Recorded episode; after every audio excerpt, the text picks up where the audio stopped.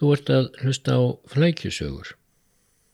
Árið 1920 fjóruði þáttur. Flengjum þá, hengjum þá. Öld er nú liðin frá frægum og alræmdum fundi á Krá í München þar sem Adolf Hitler kom í fyrsta sinn fram sem talsmaður og leðtogi í nýjum flokki, nazista flokknum Þíska.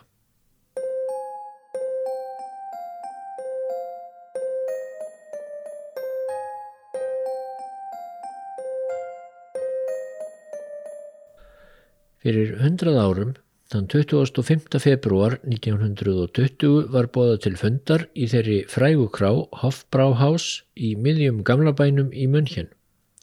Fundarbóðið var sendt út af Þíska verkamannafloknum, Deutsche Arbeiterpartei eða DAP, sem var að vísu bara smáflokkur með par þúsund félagsmenn, en í pólitísku umróti Bæjarlands höfðu alls konar smáhópar færi á að láta á sér bera. Eftir uppgjöf Þýskanans í heimstyrjöldinni fyrri í vetrarbyrjun 1918 hafði munnað minnstu að kommunistar næðu völdum í Þýskalandi líkt og austur í Rúslandi. En ný borgararlegu ríkistjórn, kent við borgina Weimar, hafði afstýrt því. Afturhaldsinnaðar bardagasveitir fyrir um Hermanna, frækorps, komu þar og við sögu. Nú í byrjun árs 1920 voru róstur að mestu fyrir bí en óánægja með ástandið ólgaðu þó undir niðri.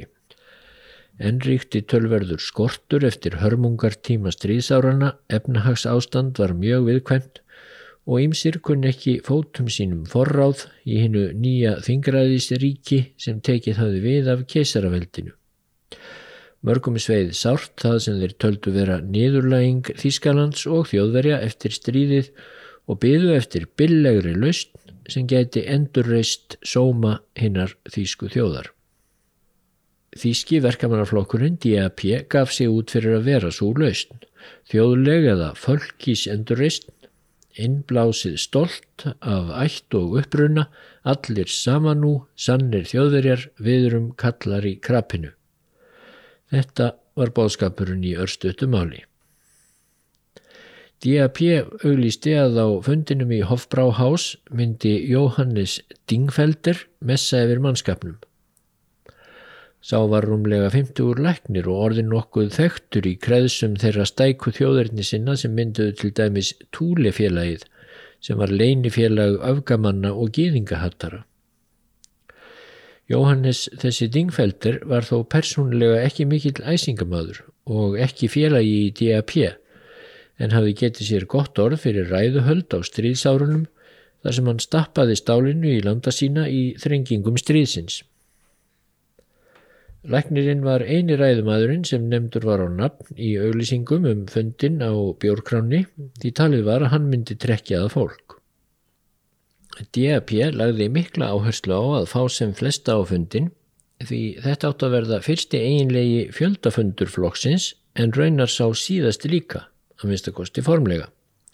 Formaðurinn Anton Drexler, velvirki, lásasmiður og sítarleikari hafði nefnilega setið margt eitt kvöld undanfarnar vikur á kaffeteríu verkamanna að Burghausener strasse 6 upp í Neuhausen og þar hafði hann á samt aðtorkusömmum aðstóðarmanni fengist við að smíða floknum almennilega stefnusgrá sem skort hafði fram að því. Og þegar hún væri komin í gagnið átti þýski verkamannarflokkurinn líka að fá nýtt nafn. Svo fór annar í 2000 manns mættu á fundin í Hofbráhás þennan þriðjudag.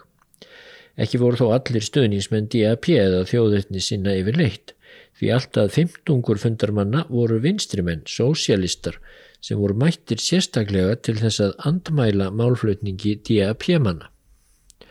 Fundarstjóri kynnti Dingfelder til leiks og hann helt sína ræðu sem þótti ekki mjög eftirminnileg. Hún var rólega flutt og fremur hófstilt í orðum.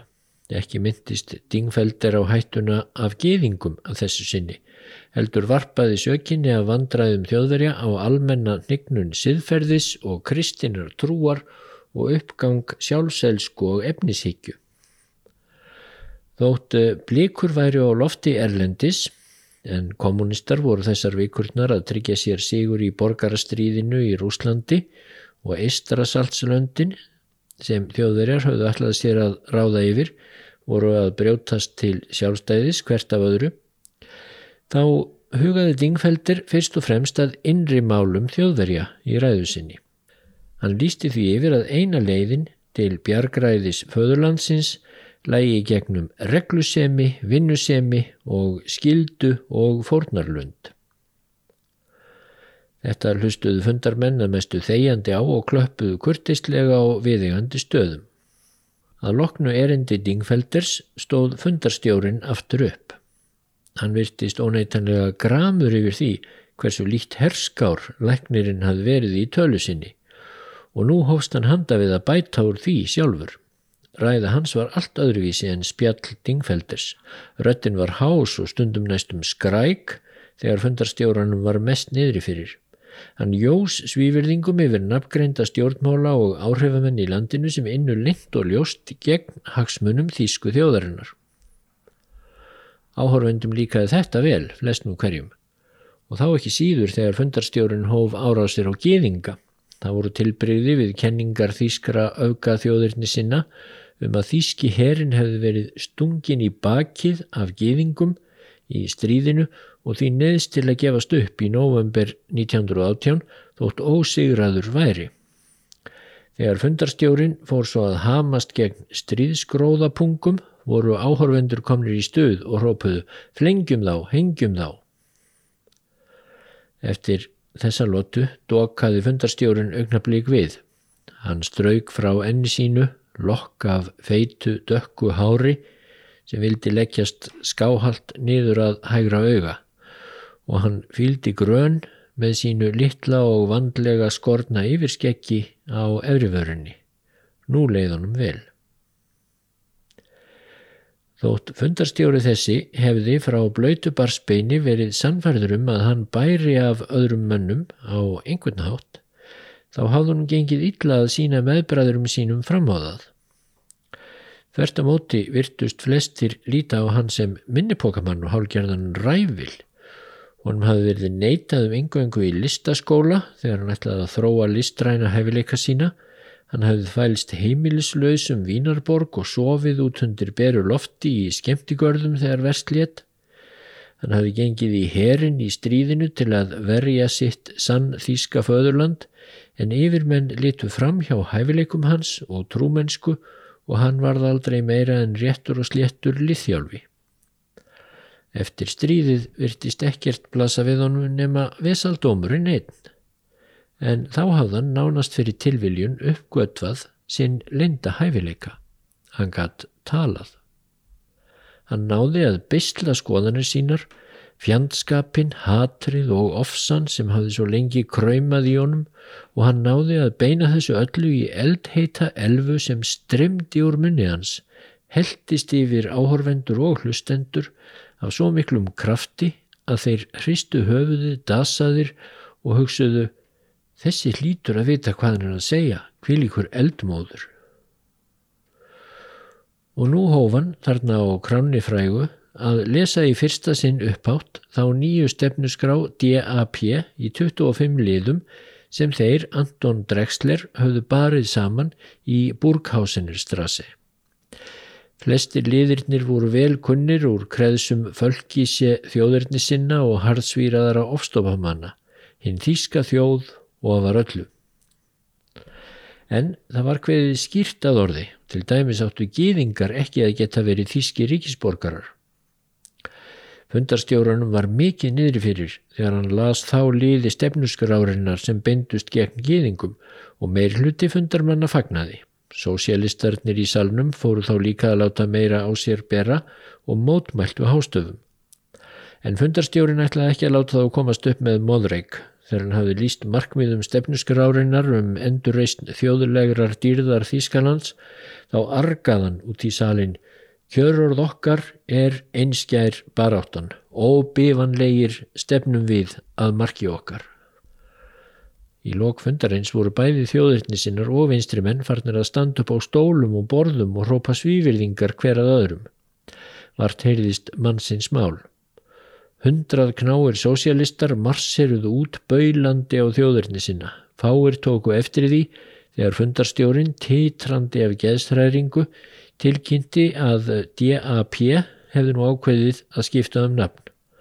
Deutsche Arbeiterpartei skildi eftirleiðis nefndur Nationalsozialistische Deutsche Arbeiterpartei. Þjóðverðni sosialistíski þíski verkamannaflokkurinn NSDAP. Fundarstjórin þrjumandi, austuríkismadur, Adolf Hitler og fleiri anstæðingar vinstrimanna í floknum hafðu fallist á að taka sosialisman inn í nýja nafn af því þannig er þau auðveldar að ná til alþýðunar, verkamanna. Til þeirra ætti hugtækið sósialismi að vísa, ekki eiginlegar vinstri stefnu, þótt í stefniskráni væri reyndar hveðið á um þjóðnýtingu yðnaðar. En sá liður um þjóðnýtingu glemtist fljótt þegar flokkurinn fór að gera hósur sínar grænar fyrir yðnrekendum. Hitler hafði fram á árið 1919 verið hálgerður vingull líka í pólitík þóttan hafi viljað telja fólki trúum annað í bókinni Mein Kampf síðar meir. Hann var frá æsku árum uppfullur af persónlegum hetjórum, germönskum dýrðardröymum og vagnerskri hrunþrá og rökkurnöytt í bland við svart afturhald, þókukenda heimsín og frumstætt en ekki verulega meinfísið gýðingahattur. Eftir stríðið hafði Hitler alls ekki verið efst í huga að berjast með frækorps fyrir endurreistu þýsku ofurveldi. Hann hafði bara áhuga á að halda sér í hernum svo hann hefði í sig og á. Sumarið 1919 fór hann hins vegar á stjórnmálanámskeið hjá hernum nýjárðin 30 þar sem hann lærði að mittla skoðanir sínar og komst að því að hann hafði sannfæringarkraft. Hitler snýri tilbaka breyttur maður.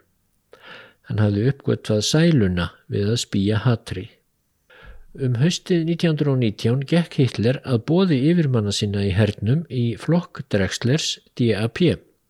Hann var eiginlega halgjörður njóstnari hersins og átti að fylgjast með starfsemi flokksins.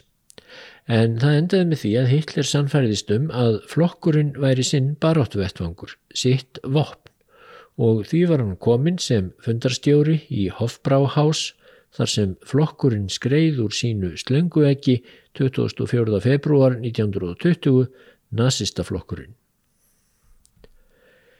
Reyndar ber að taka fram að þarna í munn hér hófst þrátt fyrir allt ekki einhvers konar óaflátanlegu og óhjákvæmileg sígurganga nazismans og eða Hitlers sem hlautað enda í gasklefum, í rústum Stalingrad, í rústum Berlínar. Nei, Sannleikurinn er sá að örlögin höfðu eftir þetta ótal tækifæri til að sópa Hitler út af borðum sínum áður en til þess kom. Þrátt fyrir heilmikla fyrirferð og bakslagang nazista og stormsveita þeirra í tæpan áratug var ekkert útlýtt fyrir að þorri þjóðverja myndi fylgja Hitler að málum næsta áratugin. Hitler gerði valdaránstilraun árið 1923 sem missefnaðist rapalega. Í almennum kostningum allt til 1930 fengur nazistar jafnan um 2,5% fylgi. Það breytist ekki fyrir ný kreppinu miklu árið 1930 þegar atfinnuleysi var orðið geguænlegt í Þískalandi. Í gremjusinni og örvendingu ákvað þriðjungur kjósenda þá að vita hvort Gaspur Hitlers um þjóðurlega endurreist kynni að fela í sér einhverjar lausnir en þrátt fyrir þriðjungsfylgi nazista í þrennum kostningum 1930 til 32 má ekki glema því að tveir þriðju hlutar kjósenda vildu ekki nazista. Það var bara vesaldarleg framganga og valdabröld borgararlegra stjórnmálamanna og hægrivægnum sem hleyfti Hitler að valdastólunum í janúar 1933 og þaðan í frá sleftan ekki takinu.